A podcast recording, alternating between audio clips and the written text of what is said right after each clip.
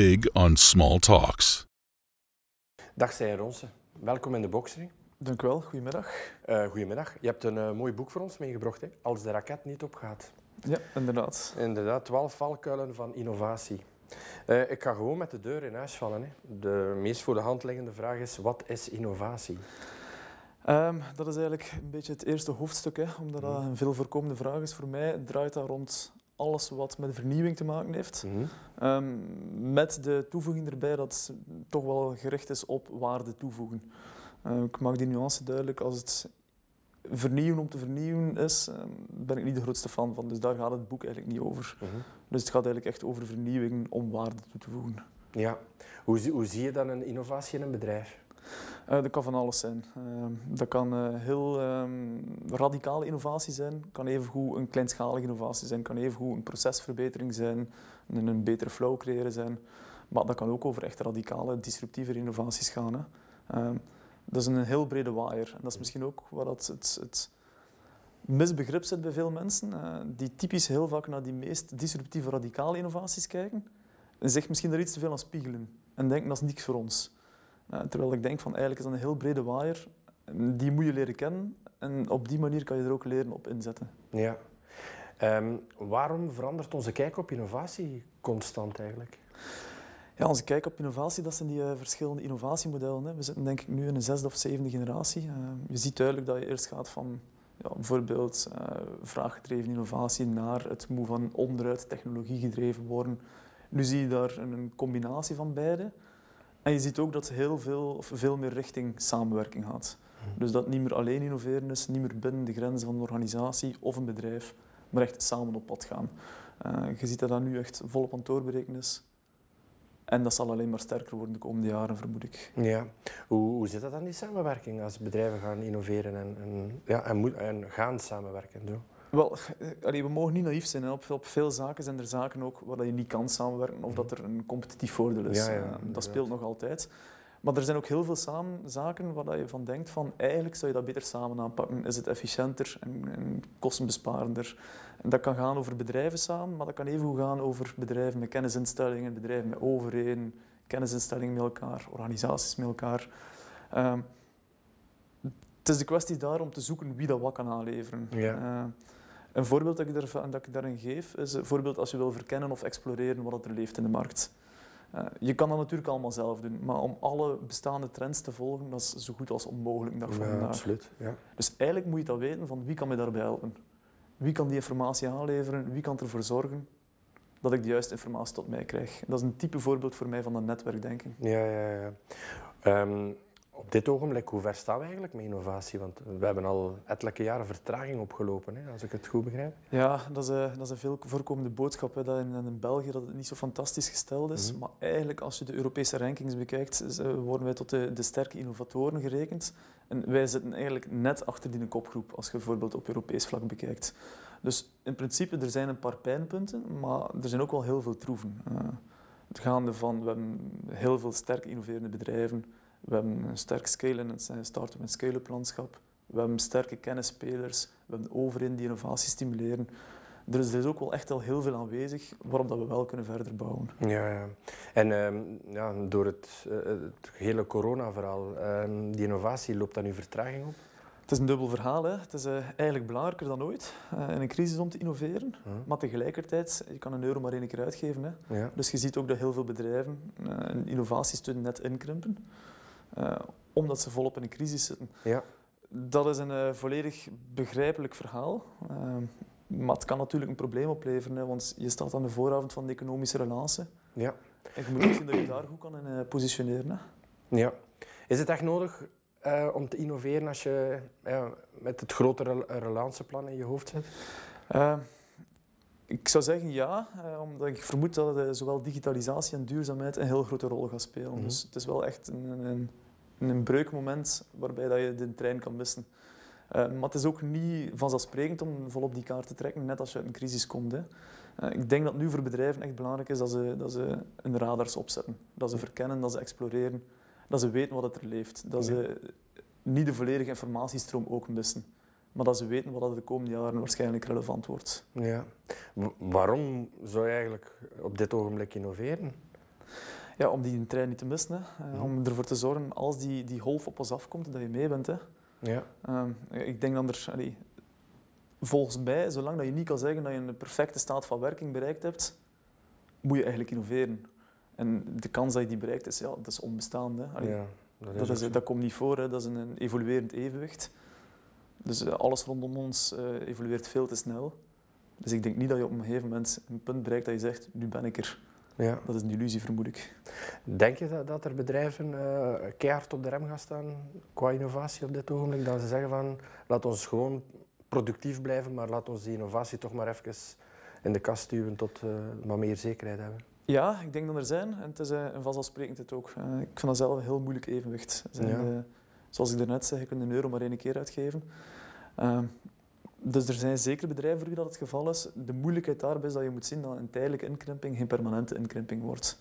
Dus dat je toch moet erover waken dat je op lange termijn die inspanning dan terug kan optrekken. Uh, ik zie dat vooral ook op vlak van motivatie van medewerkers. Als je nu zegt, ja, er is een economische crisis, uh, we stoppen er even mee. Iedereen die met innovatie bezig is, wordt bijzonder gedemotiveerd. Hè? Ja, absoluut. Hè. Dus naar mijn aanvoelen kan je het doen, maar dan moet je wel, of kan je zeggen van kijk, er gaan iets minder middelen naar innovatie, maar dan moet je wel een traject uitstippelen. Dan zeg je van kijk, van als het terug aanzwengelt, uh, gaan we terug die middelen erop inzetten, gaan we terug die investeringen doen. Dus ik denk dat je wel een traject moet uitstippelen voor aan te geven van kijk, het is even minder, maar we klimmen eruit en we zorgen ervoor dat het geen permanent gegeven wordt. Ja, inderdaad. Maar het is moeilijk, want eigenlijk het ideale is dat je nu volop op inzet. Ja, terwijl dat het een, net tegenovergestelde beweging eigenlijk is. Hè? Het is moeilijk evenwicht. Ja. Innovatie, waar gebeurt dat meest? In de kleine, middelgrote of grote bedrijven? Uh, typisch wordt er gekeken naar de grote bedrijven, hè. Mm -hmm. maar dat is eigenlijk... Allee, um, heel vaak zie je ook gewoon dat bij die kleine bedrijven dat die misschien net flexibeler zijn en net er meer kunnen op inzetten. Dus ik zou er niet echt een stelling over durven doen, uh, over waar dat de meeste innovatie voorkomt. Ook omdat het een zodanig een brede waaier betreft, dat het eigenlijk moeilijk te weten is ja. uh, waar meest. Uh, innovatie, zit dat nu meest in techbedrijven? Of heb je echt een, een spreiding in... Uh, volgens mij zit er, zit er een heel grote spreiding afhankelijk van type innovatie. Hè. Uh, mm-hmm. Techbedrijven zijn een locomotief van het innovatiegebeuren, hè. Ja. dat is natuurlijk zo. Maar er zijn ook heel veel andere innovatieve zaken die ergens anders ontwikkeld worden. Uh, bijvoorbeeld in 2017 schreef ik een studie voor Itinera. Ja. En dat bestudeerde eigenlijk het belang van traditionele maakindustrie. In veel rapporten wordt net die maakindustrie gezien als een voedingsbodem voor innovatie ook. Dus dat is dan niet de typische techbedrijven, maar ook dat kan een interessante voedingsbodem zijn. Ja. Als bedrijf, waarom zou je nu op dit ogenblik dat risico nemen om toch te zeggen van we gaan toch verder innoveren? Uh, om goed gewapend aan de dag te staan. Uh, om te zorgen dat je die, dat je die boot niet mist. Hè. Dus dat je mee bent als het op je afkomt. Ik ga het voorbeeld geven. Uh -huh. Uh, wij zien heel vaak bouwbedrijven die nu bij ons met de vraag komen van... eh, Kijk, op vlak van circulariteit, wat zouden we daar kunnen op doen? Dat gaat over hergebruik van water, hergebruik van CO2. Uh, dat zijn volgens mij bedrijven, diegenen die er nu op inzetten, zorgen ervoor als er een golf van circulariteit over ons of op ons afkomt, dat die effectief mee zijn. Ja. Uh, mijn vrees is, als je er nog niet, helemaal niet over nagedacht hebt, de moment dat dat echt volop in de markt komt te staan, dat je hopeloos te laat, te laat komt. Dus dan zijn we terug bij dat punt. Eigenlijk moet je nu al verkennen en exploreren en kijken wat komt er op ons af, wat wordt er belangrijk. Ja. Hoe kan je dat eigenlijk aanvoelen? Want het is heel moeilijk. Hè? Er wordt zoveel op dit ogenblik ja, geïnnoveerd dat, dat het echt aan de top zit. En ik denk dat dat wel een hele uitdaging is. Hè? Het is bijzonder moeilijk, uh, maar je kunt ook gewoon je voelsprieten opzetten. Hè. Het is, uh, wat een bijzonder meerwaarde is, is dat er ook heel veel informatie op ons afkomt op vlak van mogelijkheden om informatie te verzamelen. Ja, we zitten hier bijvoorbeeld in deze studio, dat is een type voorbeeld. Mm -hmm. uh, we kunnen even goed kijken naar podcasts, naar webinars, naar andere uh, kennisdelingsmogelijkheden. Mm -hmm. Dus er komt heel veel informatie op ons af, wat het moeilijker maakt, maar tegelijkertijd ook zijn er veel mogelijkheden om mee te zijn met alles. Ja. Uh, en daarbij komt ook weer dat netwerkdenken. Hè. Als je je goed positioneert binnen een netwerk, komt er gewoon veel op je af. En kun je ervoor zorgen dat er heel veel informatie op je afkomt en dat het een beetje behapelijk wordt. Ja, ja. Wat is voor jou eigenlijk, want ja, je bent heer en meester in, in innoveren, de, de gedachtegang rond innoveren. Hè. Eh, wat is nu voor jou eigenlijk het, het, belangrijkste waar je zou moeten op inzetten als bedrijf als je wil innoveren? Is het de, de groene golf? Wij spreken van de groene golf, maar... Misschien even het, het eerst ontkrachten, heer en meester op vlak van innoveren, even nuanceren. Uh, mijn boek is volgens mij mijn eigen reflectiekader. Uh, ja? Dus mijn doel erbij is dat, dat, mensen dat lezen en er zelf gaan over nadenken. Mhm. Eh, het is dat debat dat ik wil op gang brengen. Dus dat is geen heer en meester, maar misschien meehelpen een debat te voeden. Mhm. Ehm, wat ik zelf het belangrijkste vind, is u positioneren in het netwerk en zien dat die informatie op u afkomt. Blijven exploreren. Dus en, en kritisch op zoek gaan naar waar informatie te vinden is en wat je ermee kan doen. Uh, maar dat is geen gemakkelijk gegeven, want in een boek beschrijf ik bijvoorbeeld het voorbeeld van Industrie 4.0. Um, als je aan tien niet-experts de vraag stelt, wat is, de industrie 4, of wat is industrie 4.0, krijg je tien verschillende antwoorden. Dan is de grote vraag, hoe moet je er als bedrijf op inspelen? En dat is ook waar je moet exploreren en kijken van, kijk, ik werk bijvoorbeeld dat kader uit van, als je zo'n begrip hebt, deelt dan een keer op in bouwblokken. Mhm. Dus kijk een keer van, binnen die industrie 4.0, welke zaken zijn er essentieel? En op die, op die bouwblokken, of op het niveau van die bouwblokken, kan je trachten een matching te doen met wat er allemaal aanwezig is in uw bedrijf. Bijvoorbeeld met afdelingen in uw bedrijf, met uw businessplan, met uw model. En zo kan je echt op zoek gaan naar eigenlijk complexe informatie, wat je ermee kan doen. Ja. Dat is voor mij bijzonder belangrijk. Um, innoveren, ik, ik, ik, helemaal top, hè, maar als bedrijf zet je daar budgetten tegenover. Hoe weet je dat je in een bepaalde tijd, in een bepaalde tijdzone het kan terug of het laten renderen. Want dat is altijd de grote uitdaging. Hè. Je kiest een richting, maar je bent niet zeker of dat het de goede richting is. Niet. Je weet het niet. Eh, er wordt vaak gezegd dat innovatie op korte termijn sowieso overhead is. Uh, dat is eigenlijk de onzekerheid van de innovatierente. Dus de innovatierente is eigenlijk de mogelijke winst dat uit innovatie voortkomt. Die zit niet op de korte termijn, die zit op de langere termijn. Dus eigenlijk wat er gebeurt, je investeert eerst met de onzekere mogelijke baten in de toekomst. Mhm. Nu, de vraag is, als je het niet doet, wat is het risico dan? Hè? Eh, dus het is onzeker, maar het niet doen verhoogt die onzekerheid nog veel meer. Want ja, het is een torenhoog cliché, maar stilstaan is achteruit gaan. Denk ik dat in een tijd dat veel verandert, dat het toch wel een realiteit is. Ja.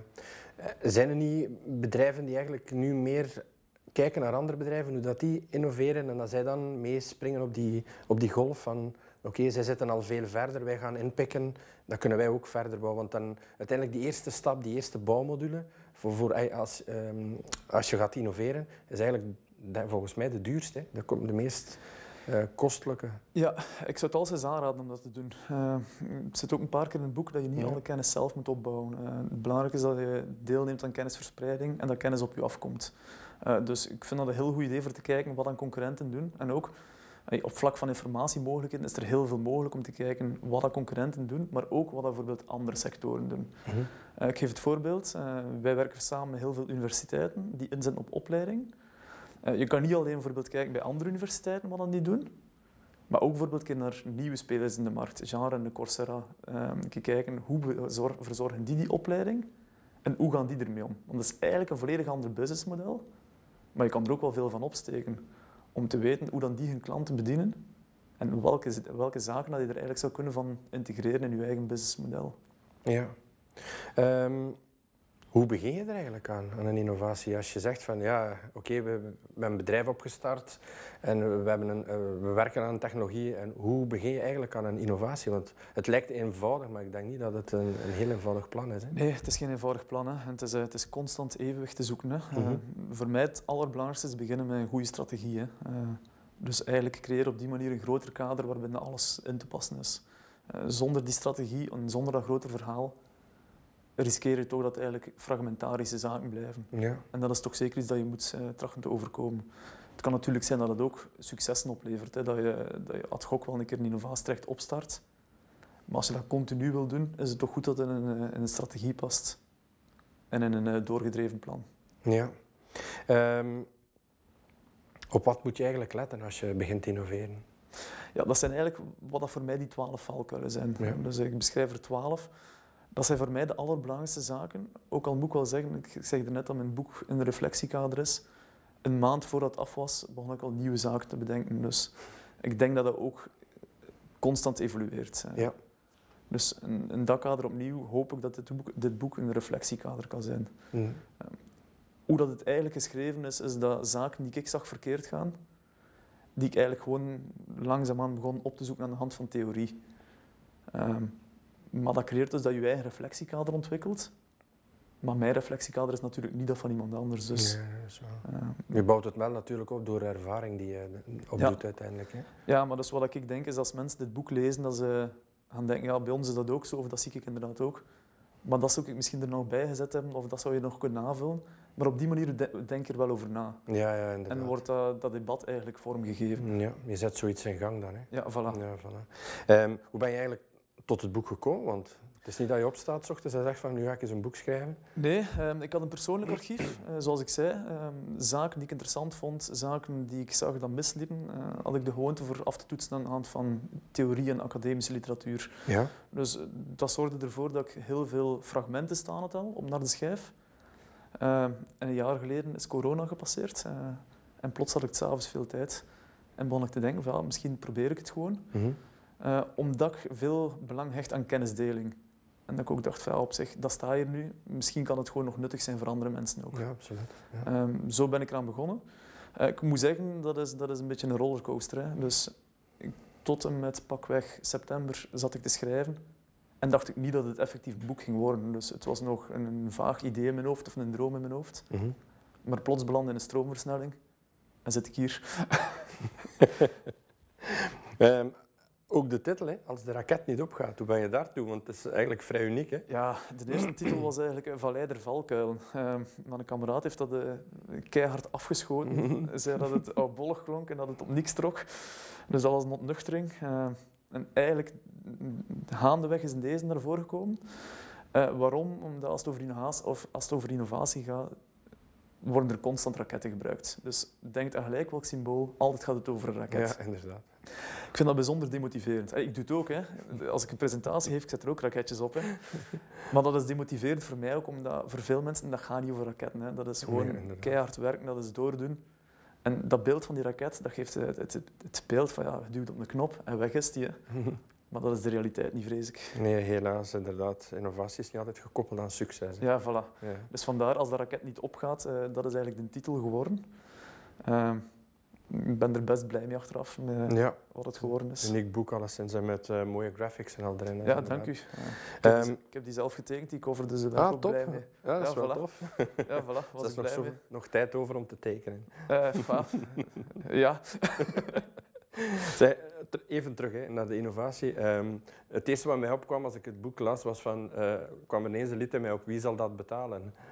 Dus, hoe, hoe voorzie je een budget? Dat je zegt van ik ga gaan innoveren, van waar haal je budget? Want je hebt productiekosten, je hebt, hè, je hebt allerhande kosten en dan moet je ineens een, een budget gaan voorzien om te beginnen innoveren. Dat is een moeilijkheid. Ik geef ja. er ook in alle eerlijkheid geen pasklaar antwoord op, omdat ik dat niet weet voor heel veel bedrijven en organisaties. Mm -hmm. um, wat je volgens mij moet doen, is financiële kennis opbouwen. Uh, je moet, moet zien dat je, je moet ervoor zorgen dat je weet welke mogelijkheden er zijn. Um, dat gaat bijvoorbeeld over ja, op vlak van lening, maar ook op vlak van fondsen, op vlak van overheidsondersteuning. Um, je moet zien dat je zorgt dat je een zicht krijgt, krijgt op wat er allemaal mogelijk is. Dat is volgens mij een belangrijke stap. Ja. En dat is niet vanzelfsprekend, want op vlak van financieringsmogelijkheden is er heel veel mogelijk. Hè. Ja, maar niet gemakkelijk. Hè? Niet gemakkelijk, maar ook daar kan je netwerk helpen, denk ik. Ja. Dus ik denk als je met een idee zit en je luistert een keer rond, dat dat wel al een goede stap is. Ja. Dus dat je netwerk ook wel daar kan zeggen van misschien moet je een keer via die manier proberen. Zijn er veel bedrijven die dan de stap nemen van na ja, het klassieke model, de bank, dan naar de, de win-win uh, formule overstappen?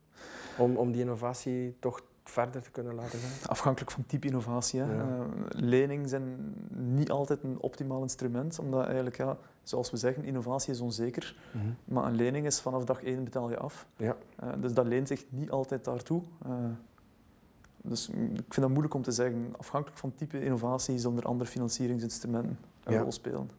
Je haalt een stuk in je boek aan exploreren. Hè? Ja. Waarom, waarom moet je eigenlijk exploreren? Wel, ik vind dat eh, een dag van vandaag belangrijker dan ooit, omdat er zodanig veel informatie op ons afkomt. Mhm. Eh, ja, hoeveel trends en evoluties zouden er niet nee, middenin zitten? Ja, voilà. Uh, krijg daar maar een keer zicht op. Hè. En als je niet exploreert, ofwel komt het niet op je af, dan heb je een probleem.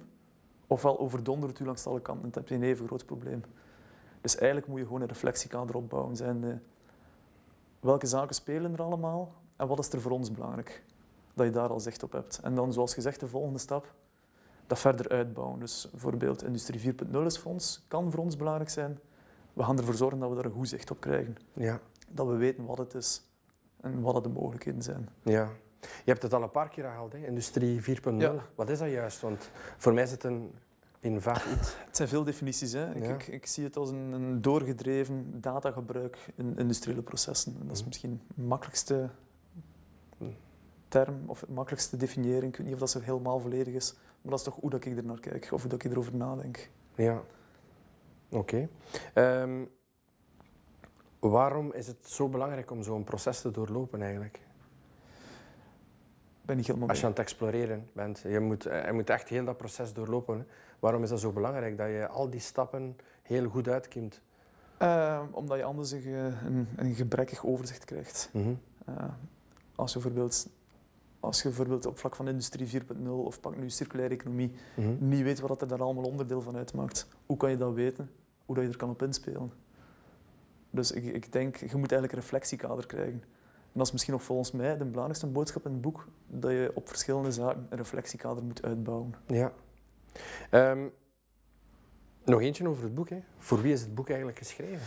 Um, ik schrijf in mijn inleiding voor de locomotieven van het innovatiegebeuren. Dat klinkt natuurlijk goed, maar dat, kan even goed, dat kunnen CEO's zijn, dat kunnen innovatiemanagers zijn, maar dat kunnen evengoed mensen zijn die gewoon geïnteresseerd zijn in vernieuwing. Ja.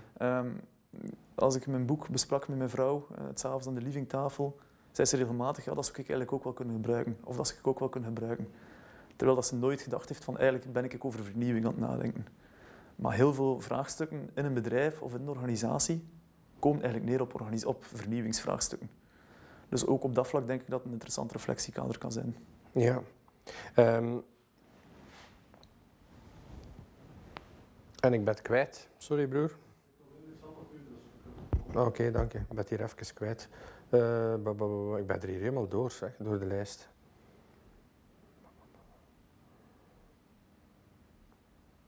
Ja, we zijn er door. Zijn we er door? Hoe rap was dat? Dat is veel te rap. 21 minuten, ik denk 22 minuten zitten we. Maar... Ja, ik weet het. Ehm, heb jij nog iets dat je zegt van, dit is wel belangrijk? Well, misschien de, de tien laatste reflecties in het boek zitten. Uh... Ah ja, die wou, ik, eh, die wou ik niet doen, omdat ik dacht van dat gaat uitgebreid zijn, maar we gaan dat er toch maar bij nemen. Well, het, laatste deel, hè, dat is ja. Die, ja, inderdaad. Uh, ja, oké, dat is goed. Ja, oké. Ehm, je behandelt uh, het laatste deel van je broek, uh, ja, opnieuw, broek, goed zo. je behandelt in het laatste deel van je boek um, die tien punten. Hè. Ja. Wil je, kan je daar iets meer over zeggen? Ja, dus uh, een maand voordat ik het boek ingediend heb, mm begon ik eigenlijk voor mijn eigen te denken aan er tien rode draden door het boek lopen. Ja. ik noem dat mijn tien lessen, maar eigenlijk is het de rode draden die ik eruit haal. Dat zijn er tien. Ehm, misschien moeten we ze gewoon een keer doorlopen onmiddellijk, hè, welke er allemaal belangrijk zijn. Ehm, maar dat zijn de zaken waarvan ik denk, door al die valkuilen in het boek, komen die terug. Ja. Um, een voorbeeld daarvan, uh, een eerste dat ik bijzonder belangrijk vind, is het modelmatig denken. Uh, voor, voor mensen klinkt dat misschien een beetje abstract, maar ik ga het voorbeeld geven. dat is dat je over verschillende factoren, wat dat impact heeft op iets, moet nadenken. Uh, in het boek beschrijf ik dat aan de hand van een, een type voorbeeld, zijn een staande ovatie in het theater. Dus als je aan een, iemand vraagt van door wat wordt dat verklaard en je hebt iemand voor u die maar aan één factor denkt, gaat hij zeggen, oh, dat is door de kwaliteit van het toneelstuk. Mhm. Terwijl als je diezelfde vraag stelt aan iemand die modelmatig gaat denken, uh, gaat die antwoorden van ja, kwaliteit van toneelstuk misschien, maar ja, misschien de timing van het toneelstuk. Wie zit er in de zaal? Zijn er een paar mensen vooraan die recht springen voor te produceren? Welke factoren komen er allemaal bij kijken? Nu, eigenlijk is dat hoe dat ik naar innovatie kijk. Omdat op innovatievlak is dat ook zo. Zijn. Je moet kijken welke factoren allemaal een rol hebben. Ofwel wat eigenlijk allemaal in je machine moet zitten. en wat je ermee kan doen. Mm voorbeeld terug naar die staande innovatie. Een type voorbeeld daar is dat als je twee personen vooraan zet in het publiek die opveren en begint te applaudisseren, is de kans groot dat de rest van je publiek dat ook doet. Ja, inderdaad. Vertaalt dan naar innovatie, zie dat je goede leiders hebt. Zie dat je goede trekkers hebt die het gebeuren op gang trekken. Zie dat er een paar mensen zijn in je organisatie die echt pleitbezorger zijn van innovatie, die zichtbaar zijn en die ook de rest meetrekken. Mm Maar dat is een factor die vaak vergeten wordt. Dus vaak wordt er gezegd van ja, we gaan denken over financiering, we gaan denken over een team. Maar ook dergelijke zaken moet je over nadenken van ja, misschien kan dat ook wel een impact hebben. Ja. En geen te verwaarlozende impact. Ja, is het soms in sommige bedrijven echt van oké, de concurrentie doet het, wij moeten ook mee. Is het niet eerder zoiets in, in sommige bedrijven? Ja, maar dan komen we eigenlijk terug bij de vraag uh, dat je ook moet nadenken over het waarom van innoveren. Mm dus, uh, dat is een van de eerste hoofdstukken, ik denk het tweede of het derde. Ja. Dat de vraag beantwoordt van waarom moeten we innoveren, waarom is dat nu zo belangrijk? Uh, mijn aanvoel is, als je daar geen antwoord kan op geven aan je medewerkers, dat je een probleem hebt, omdat je dan niet genoeg motivatie kan creëren. Ehm, en het antwoord, ja, omdat een andere het doet, dat vermoed ik dat niet het meest motivatie stimuleert. Nee, dus, uh, is meer op concurrentie dan uh, ja, gebaseerd. ja. Dus ik denk dat je ook daar een antwoord moet bieden. Ja, voor mij gaat het over ofwel economisch, maatschappelijke, persoonlijke incentives of combinatie tussen die drie. Ja. Verder nog van die tien punten? Uh, het belang van human capital of menselijk kapitaal. Absoluut. Jarenlang niemand rekening mee gehouden volgens mij. dat, dat, zou ik niet durven zeggen, maar um, als je over innovatie spreekt, gaat er heel veel over wat in iemand zijn hoofd zit. Hè. Mm. Dus ideeën zitten in iemand zijn hoofd. Het probleem is vaak, als die mensen weg zijn, dat je systeem instort. Mm -hmm. um, en door die verschillende hoofdstukken komt dat belang van het menselijk kapitaal eigenlijk heel vaak naar voren. Je moet je mensen kunnen motiveren, je moet een draagvlak ontwikkelen, je moet een goed team ontwikkelen, je moet dat team kunnen omkaderen. Dat is eigenlijk allemaal het soigneren van je menselijk kapitaal. Hè. En ervoor te zorgen dat dat degenen eigenlijk zijn die die innovatietraject vooruitstuwen. Ja, heel belangrijk hè, deze dagen. Ja, bijzonder. Hè? Uh, maar ik denk ook, ja, eigenlijk als je dat bekijkt, we zijn nu bezig over organisatie- en bedrijfsniveau. Dat geldt ook op maatschappelijk niveau. Hè? Ja. Dus als je kijkt bijvoorbeeld nu in de crisis dat we nu zitten, dat menselijk kapitaal is ook een, een bijzonder grote factor. En eigenlijk gaan dezelfde vragen een beetje op zijn. De, hoe kunnen mensen motiveren? Hoe creëert u draagvlak? Hoe kunnen we ervoor zorgen dat iedereen mee is in het verhaal? op zich, het, het, volledige crisis die nu op ons afkomt, zou je eigenlijk even goed als een groot innovatievraagstuk kunnen zien. Ja, Zijnde, je wordt overspoeld door iets wat je niet kent. En de vraag wordt gesteld, hoe raken we eruit?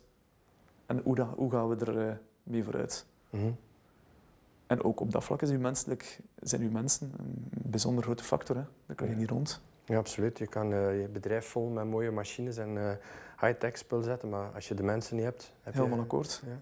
Helemaal akkoord. Ja. Uh, de volgende punt? Ja, er zijn een van de belangrijkste, denk ik, het staat helemaal achteraan. Het zijn er, zijn er nog twee, denk ik. Een van de belangrijkste is het netwerkgebeuren. Hè. Mm -hmm.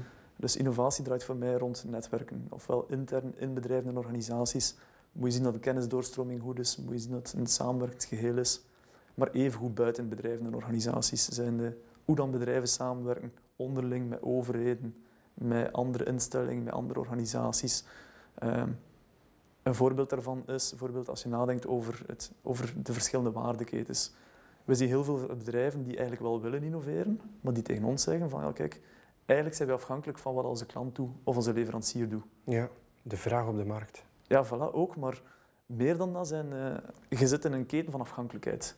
Dus je staat niet alleen in, in de wereld. Uh, je bent afhankelijk van andere bedrijven, van andere organisaties, van, van toeleveranciers, van klanten, van de vragen in de markt, van je consumenten.